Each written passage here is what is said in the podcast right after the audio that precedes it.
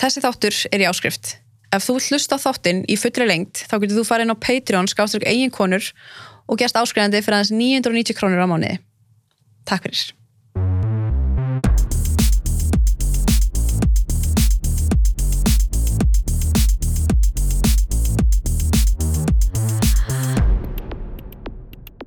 Ég segi bara að verði velkomin Rakel Takk fyrir.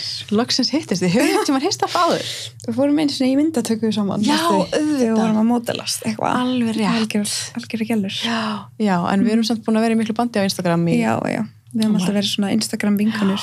nákvæmlega Mm. En eh, já, hvað ertu gömul?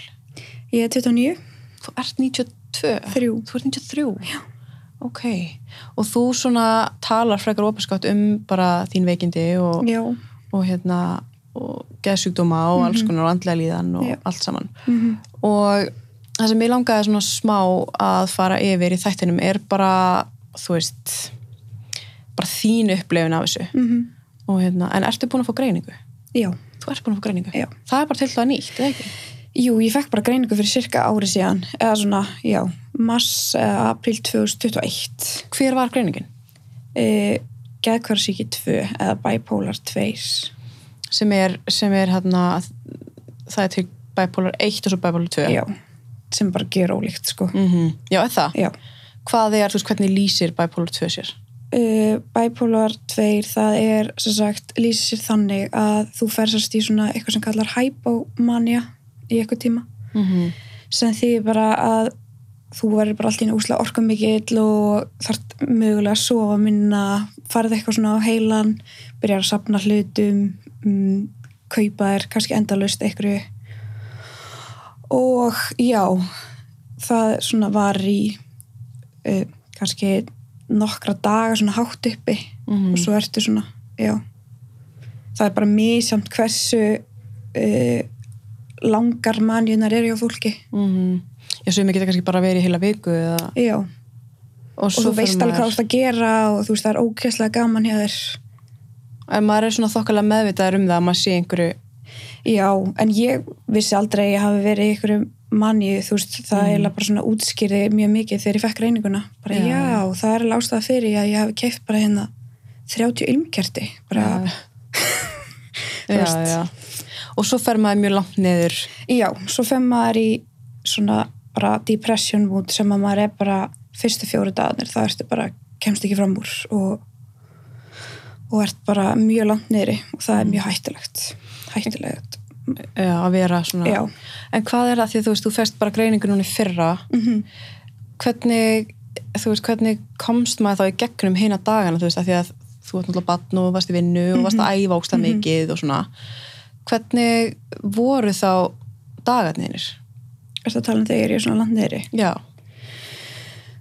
Uh, það var sko allir gangur á því, sko. Það var eitthvað svo, mér fannst eitthvað svo skrítið hvað ég gæti alltaf fungarað og hvað var alltaf ótrúlega gaman hjá mér. Og svo bara allt í einu þá bara vaknaði ég og bara langaði ekki að fara fram úr. Mhm. Og þú veist, og ég var alltaf bara, hvað, þú veist, getur þetta bara verið eðlilegt, skilur við? sko, þegar ég er með stelpuna mína, þá er, þá líður mér, þú veist, eins og ég hafi þá tilgang. Þú veist, ég fer fram úr fyrir hana, ég gerir hluti fyrir hana, en þegar ég er bara ein, þá er ég, þú veist, ekki með neitt tilgang, skilur við? mm. það er eiginlega ekki takt að segja hvernig maður kemst í gegnum þetta stundum mm. maður bara stundum þá maður bara leifa sér að vera í rúminu sko. Mm. en svo með að maður þarf að mæti vinnu eða skóla Mhm. eða já þá er maður bara svo draugur í vinnunni sko. það er bara maður setur bara upp eitthvað leikrit sko. mm. maður er svona bara, já og þú hefur ekki gaman að neinu og þú sérðu alltaf liti skilur, þú ert bara eitthvað Mm.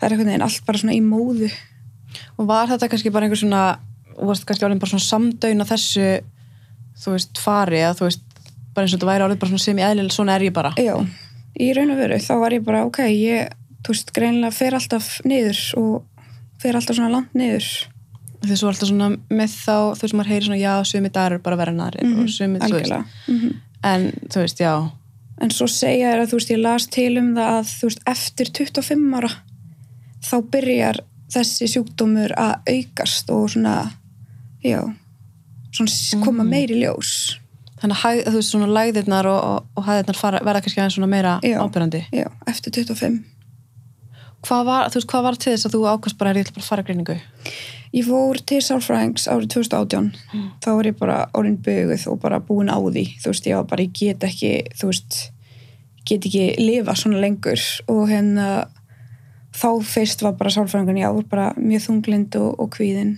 og ég gerði bara allt sem sálfræðingun minn saði mér að gera og, og hérna, þú veist, mætti í mína sálfræðitíma vann þau verkefni sem ég fekk og gerði bara allt Mm. en samt einhvern veginn endaði þetta allt á því að ég fór svona ótrúlega langt niður og svona ótrúlega hátt upp þannig að sálfræðingur minn uh, sérst bara fagaðili, hún bara bendir á það bara þú veist, farðu og, og hérna aðtöðaði með greininguna þeirna þú veist, bæði líka bara því ég er með ADHD sem er bara grein sér á 10 ára og bara skoða þau, þú veist, hvort það sé eitthvað þú veist, eitthvað með lifin, eitthvað þannig og í fyrst fór ég og hann, þú veist, svona, já, þú veist, var alveg svona nokkuð sammúlenni, breytti bara ADHD í lifunum og, og það gerði gagn í smástund mm. og svo þegar ástandi var bara orðið þannig að ég var bara, mér langaði bara ekki að lifa, þú veist, þannig var hérna þessi depression lota og hérna þá var hann bara ok, við pröfum að láta þig á hérna, lif fyrir geðkværsíki og lífið var svo gott sko að það var svo gott að- að vera í jafnvægi bara, þú veist, að vera einhvern veginn ekkert að fara svona ótrúlega langt niður og, og hátt upp og það kom líka eiginlega bara í ljós þegar að mér byrjaði að líða svo vel sko að hérna, ég hætti að lifi honum típiskur típiskur sjúklingur með þetta þetta er mjög algengt sko það er, við hættum að lifi honum okkur um tímbúndi þegar fyrir, okkur fyrir að líða svona vel sko er það bara einhverja aukaarkun líka á lyfjunum eða af hverju vill maður ekki vera á lyfjunum bara af því að það er svo gaman og mann líður svo vel og ég var bara, ok, ég er ekkert ég er ekkert geðveik, þú veist, hvað byll er þetta mm. ég get alveg hægt á þessum lifjum svo bara ákveð ég þá að taka bara okkur sjálf að hætta lifjunum og já, ég endaði þá sjökur á sig sko af því að ég fór svo langt neyður þá og þá var ég svona, ok ok, ég er kannski bara með þetta er kannski bara rétt greining þú veist, maður er líka í amnitun, skiluru já, af hverju er það? er það bara einhver skömm eða Já, ég held að sé bara, já, mjög mikil skömm og þú veist, maður hefur einhvern veginn fordóma, þú veist, ég var bara eitthvað, ok, vá, hvað ég er með mikla fordóma og gagvart geðsjútum, geð skrítið að segja þetta, skilur, þú veist, ástæðan fyrir að, að ég var bara einhvern veginn, já, ástæðan fyrir að ég var svona bara í afnitun með þetta var, þú veist, bara því að maður sér einhvern veginn fólk sem að er, þú veist, með þessa geðsjúta, maður sér bara eitthvað svona, fólk heldur að sé bara appisunsafi eða þú veist, maður sér bara þetta þú veist, maður sér þetta í bíómyndunum maður sér, þú veist, þessa þú veist, þessa karaktera skilur sem eru bara einmitt með bipolar 1, þú veist, það er miklu meira eitthvað svona. og svo samt fólk sem er með bipolar 1 er náttúrulega bara á lyfjum líka og er bara í jafnvægi sko. Já, en það er þau fara í bara svona alveg svakalega maníu sko. mm. og eitthvað svona persónuleika Já, og það er bara allur gangur á því sko.